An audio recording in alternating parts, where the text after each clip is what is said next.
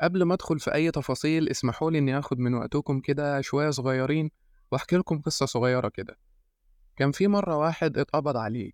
الحكومة كده مرة واحدة دخلت على بيته وخبطت عليه ورزعت جامد جدا. وقعدت تخبط كتير جدا لحد ما الراجل فتح واتفاجئ إن هما أخدوه على الاسم. وقالوا للراجل ده إن أنت متهم بتهمة التعدي على شخص بالضرب وبآلة حادة كمان. الفكرة إن الراجل مستغرب وهو عارف ومتأكد إن هو ما عملش حاجة. فقالوا له هنحطك في طابور العرض وهنشوف الراجل هيتعرف عليك ولا لأ. وتيجي هنا المفاجأة إن الراجل اللي اتعدى عليه بالضرب أو الراجل اللي تأذى من الموضوع ده يتعرف عليه ويقول له أنت اللي ضربتني ويقول له أنت اللي ضربتني وأنت اللي تعديت عليا بالضرب. واتعرف عليه في الطابور واعتبروه خلاص كده هو المتهم الأساسي في الموضوع ده واتقبض عليه واتحبس كمان بحاجة زي كده. استغرب قوي وقتها المسجون وقعد يصرخ كتير جدا وإن الراجل ده ليه عمل فيه كده؟ على الرغم إن هو ما عملش أي حاجة خالص ولا ضربه ولا يعرفه من الأساس. المهم إنه اتحبس وكمان اتحكم عليه بمدة كبيرة جدا لأن الاعتداء زي ما أنا قلت كان بآلة حادة. المسجون المظلوم ده كان حظه سيء جدا لأنه وقع في وسط زنزانة كلها ناس بتضايقه وبتضربه كمان. وكل يوم كلام من ده على كلام سيء على ضرب على شتيمة وإهانة وحاجات تانية كتير. لحد ما طفح بيه الكيل خالص. وفضل كل يوم يصرخ لحراس الزنزانة ويقول لهم خرجوني من هنا وكل يوم على الحال ده لحد ما بالفعل خرجوه من المكان اللي هو فيه بس للأسف ودوه مكان أسوأ منه بكتير. مكان ضيق أوي أوي محدش يقدر أصلا يعيش فيه مكان غير صالح أصلا إن شخص يعيش فيه حياته. الراجل برضه فضل يصرخ كل يوم ويزعق ويقول المكان ضيق جدا وأنا مش قادر إن أنا أتنفس مش قادر إن أنا أصلا أتحرك. فأمن الزنزانة جابوا معاه خمسة كمان في المكان ده. أنت متخيل؟ يعني كنوع من العقاب قرروا إن هما يجيبوا معاه خمسة كمان يقعدوا معاه في الزنزانة اللي ما كانش قادر يتحرك فيها ولا يتنفس لوحده. ما بالك؟ ومعاه خمسة كمان. الراجل برضه مسكتش وفضل يصرخ من تاني ويقول حرام عليكم مش قادرين نتنفس من زيادة العدد.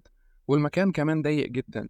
سمع أمن الزنزانة الكلام ده وقرروا إن هما يجيبوا معاهم في الزنزانة الضيقة دي خنزير ميت ريحته وحشة جدا جدا جدا بشعة. محدش يقدر يستحملها. يعني فوق دي التنفس وفوق كمان إن المكان ضيق مش قادرين يتحركوا فيه لأ ده أنت معاك خنزير ميت ريحته وحشة مش قادر إن أنت تتنفس بسببها. المهم إن الراجل طبعا مسكتش وفضل برضه يصرخ هو وكل الناس اللي معاه ويقول خرجوا الخنزير ده من هنا ريحته بشعة جدا. وبالفعل الأمن المرة دي استجاب وقرروا إن هما يشيلوا الخنزير ده. وفجأة الراجل بطل إن هو يصرخ من تاني. لدرجة إن أمن الزنزانة استغربوا اللي هو فيه إيه؟ الراجل ده ليه بطل يصرخ وليه بطل يشتكي؟ المكان ضيق جدا ومش قادرين يتنفسوا ومعاه خمسة كمان. الراجل اللي عامل صداع من أول يوم دخل فيه. الراجل المظلوم اللي عمال يصرخ من أول يوم دخل فيه. سكت وبطل كلام. ليه؟ أهلا بيكم. أنا إسلام رجب وأنتوا بتسمعوا بودكاست قهوة بدون سكر. أنا حكيت القصة دي علشان عايز أقول لكم من خلالها حاجة معينة. إن إحنا كبني آدمين بنتعود على الحالة اللي إحنا عايشين فيها. يعني الحالة اللي إحنا عايشين فيها لو حالة سيئة فإحنا بنتعود عليها لحد ما يجي الأسوأ منها ونقول لأ إحنا عايزين الحالة السيئة اللي كنا فيها في الأول. وبتبقى بالنسبة لنا وضع عادي جدا. بيبقى بالنسبة لنا وضع مريح جدا مقارنة بالوضع الأسوأ منه اللي كنا عايشين فيه. مش بقول إن إحنا ما نحمدش ربنا على الوضع اللي إحنا فيه. بس أنا عايز أضرب بيها أمثلة على أمور كتير جدا بتحصل في حياتنا. يعني اللي بيمارس عادات سيئة على مدار أيامه الشخص ده ما بيوقفش مع نفسه أبدا واليوم اللي بيبطل فيه حاجة زي كده بيعتبره إنجاز كبير جدا. هو بالفعل إنجاز كبير بس للأسف العادات السيئة دي تحولت معاه لروتين في الحياة. بقت هي أسلوب حياته لدرجة إن بقى أسلوب حياته العادي إن هو يمارس العادات السيئة دي. وبالنسبة له الإنجاز إن هو يبطلها في يوم من الأيام ولو ليوم واحد بس.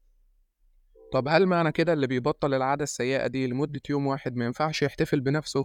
ينفع يحتفل بنفسه بس الفكرة إن أنت ما بتقعدش وتتكلم مع نفسك. ما بتقعدش كده وتاخد نفسك وتقعد كده وتشوف وتراجع وتقيم أمور حياتك. ودي العادة الذرية اللي أنا بتكلم عنها. العادة الذرية اللي كلنا مفتقدينها على مدار حياتنا.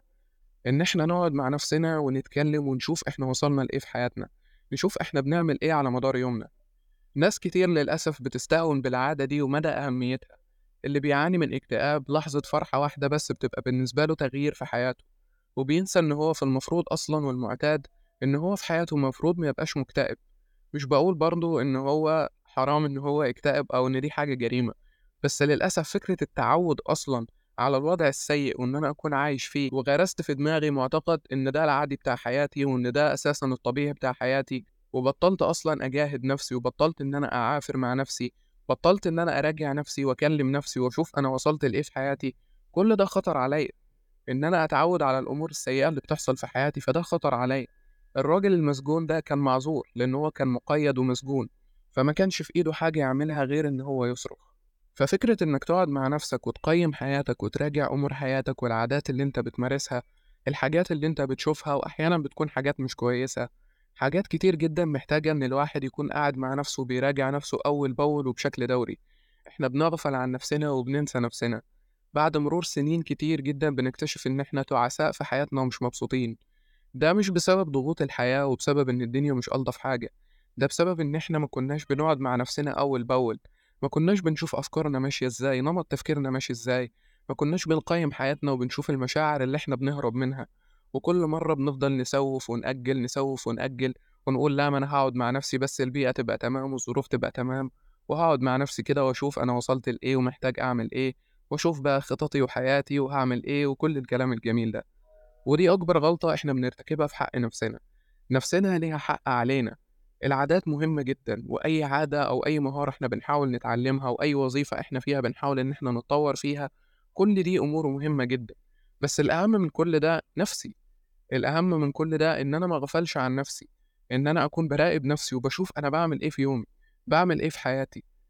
لازم أراقب نفسي وأشوف أنا رقيب نفسي لازم أكون أنا رقيب نفسي وبشوف أنا بعمل إيه وبمارس إيه على مدار يومي. العادي اللي أنا اتعودت عليه ده خطر كبير جدا لازم أشوف إيه العادي اللي بيحصل في يومي إيه العادات العادية اللي أنا اتعودت عليها إيه الأمور العادية اللي بتحصل في يومي وأنا اتعودت عليها. لأن ممكن الأمور دي كلها تكون أمور سيئة وأنا للأسف اتعودت عليها. ممكن أكون بمر بحالة من الاكتئاب بس للأسف أنا اتعودت على الحالة دي فمش عارف أصلا إن أنا مكتئب. ممكن يكون عندي مرض معين معدتي بتوجعني بطني بتوجعني بس أنا تأقلمت على الوجع ده ونسيت أصلا إن عندي وجع لدرجة إن اليوم اللي ما بيبقاش فيه ألم في جسمي بستغرب بقول هو فيه إيه النهاردة؟ وآه في ناس كده بالفعل غفلانة عن نفسها لدرجة إنها ممكن تعاني من ألم جسدي وما يكونش أصلا حاسس بده بسبب إن هو مش بيقعد مع نفسه بسبب إن هو متغافل عن نفسه. بسبب إن هو مدي حاجات كتير جدا أولوية عن نفسه وده خطأ كبير جدا. نفسك هي في المقام الأول وتاخد الأولوية رقم واحد في حياتك. والمثال اللي أنا ضربته في الأول فهو كان شخص مسجون ومظلوم بس هو للأسف في الآخر يئس وبطل إن هو يتكلم ويصرخ بطل إن هو يقول أنا على حق بطل إن هو يقول إن أنا مظلوم. فبالتالي خلاص الوضع اللي هو فيه هيفضل عايش فيه ومش هيتغير. لأن محدش هيدخل حياته أو محدش هيدخل يقوله أنا خلاص قررت إن أنا أعفو عنك وقررت إن أنا أسيبك. محدش هيعمل كده أبدا. كذلك الأمر على حياتنا. محدش هيدخل حياتنا ويقول لنا أنتوا محتاجين إن أنتوا تطوروا في الجزئية دي. نادرا لما هنلاقي أشخاص بتعمل معانا حاجة زي كده. وكمان للأسف بيكونوا أشخاص عابرين مش موجودين معانا على مدار حياتنا. لأن محدش دايما هيفكرك ويقولك أنت لازم تعمل كذا. أنت لازم تقعد مع نفسك وتطور من نفسك. لازم تشوف إيه العادات اللي أنت غفلان عنها. لازم تشوف إيه الأمور اللي بتمارسها على مدار يومك واعتبرتها حاجة عادية وروتين يومي. راقب روتينك وقيم وحلل وشوف أنت بتعمل إيه بالظبط على مدار يومك. العادة دي هي العادة الذرية بالنسبة لي. أي عادة تانية أو أي مهارة تانية طبعا مهمة جدا ومحتاجين إن إحنا نطور من حياتنا محتاجين إن إحنا نتعلم ونشتغل وننتج ونعمل حاجات كتير جدا. بس العادة دي أو المهارة دي هي الأساس هي الأساس اللي هيقوم عليها حياتي. تخيل كده إن الأساس بتاع العمارة مش مظبوط في حاجة كده وفي نسبة خلل. تفتكر إن العمارة دي هتستمر لأطول فترة ممكنة وهتكون واقفة على رجليها كده وما بتقعش ولا بتتهز ولا بيحصل فيها أي خلل؟ بالطبع لأ. مع مرور الوقت وفي فترة قصيرة جدا هتلاقي إن العمارة دي وقعت وبقت كوم تراب. فإحنا كذلك الأمر. أي خلل أو أي ضغط نفسي ممكن نتعرض له ممكن يوقعنا وما نعرفش إن إحنا نقوم تاني. عشان كده يا جماعة راقبوا نفسكم اقعدوا مع نفسكم بالورقة والقلم واكتبوا أنتوا بتعملوا إيه على مدار يومكم. اكتبوا أنتوا بتتكلموا مع مين اكتبوا أنتوا بتسمعوا إيه أصلا على مدار يومكم اكتبوا أنتوا بتسمعوا لمين. اكتبوا كل حاجة بتتعرضوا لها على مدار اليوم علشان تعرف تفكيرك ماشي إزاي نمط تفكيرك ماشي إزاي.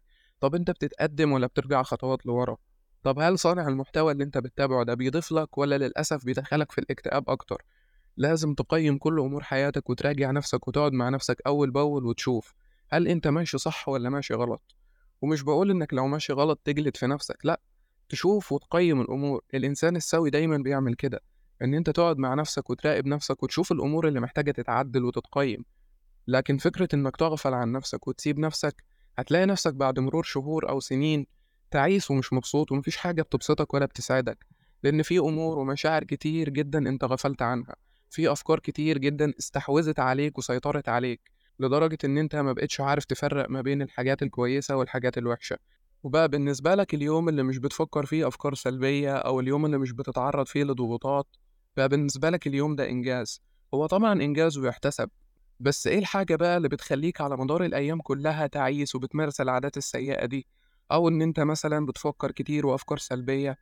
كل ده لازم تقف مع نفسك فيه وتفكر هو أنت ليه كده على مدار الأيام؟ احتفل آه باليوم اللي أنت بقيت كويس فيه والدنيا معاك بقت بخير بس لازم برضه ما تغفلش عن باقي الأيام اللي أنت مش كويس فيها. لازم تقف مع نفسك في باقي الأيام اللي أنت حاسس فيها بمشاعر قاسية جدا. ما تتغافلش عن ده وتتعامل معاه على إنه عادي وما تعديهوش كده وتعمل سكرول ليه كده وتقول لأ ما عادي يا عم قشطة ما أنا ده العادي بتاعي أنا على طول أصلا مكتئب أنا على طول كئيب أصلا وده العادي بتاعي أنا على طول تفكيري سلبي. أنا على طول أفكاري أصلا كده طب ما ده غلط ما أنت لازم تقف مع نفسك أنت لحد إمتى هتفضل أفكارك سلبية؟ أنت لحد إمتى هتفضل بتمارس العادات السيئة؟ فحاول أنت اللي تفوق نفسك وحاول أنت اللي تخرج نفسك من كل ده بدل ما الدنيا هي اللي تفوقك وتخرجك من كل ده. وساعتها للأسف النتيجة مش هتكون ألطف حاجة. فلما أنت تقرر تفوق نفسك وتفوق من كل ده وتراجع نفسك وتقعد مع نفسك وتشوف حياتك ماشية إزاي أفضل بكتير جدا من إنك تستنى الدنيا هي اللي تعمل حاجة زي كده. لأن الدنيا لما هتعمل حاجة زي كده للأسف وقتها أنت هتكون مكسور ومش قادر إن أنت تقوم من تاني. أشوفكم على خير دايما في حلقة جديدة وبودكاست قهوة بدون سكر.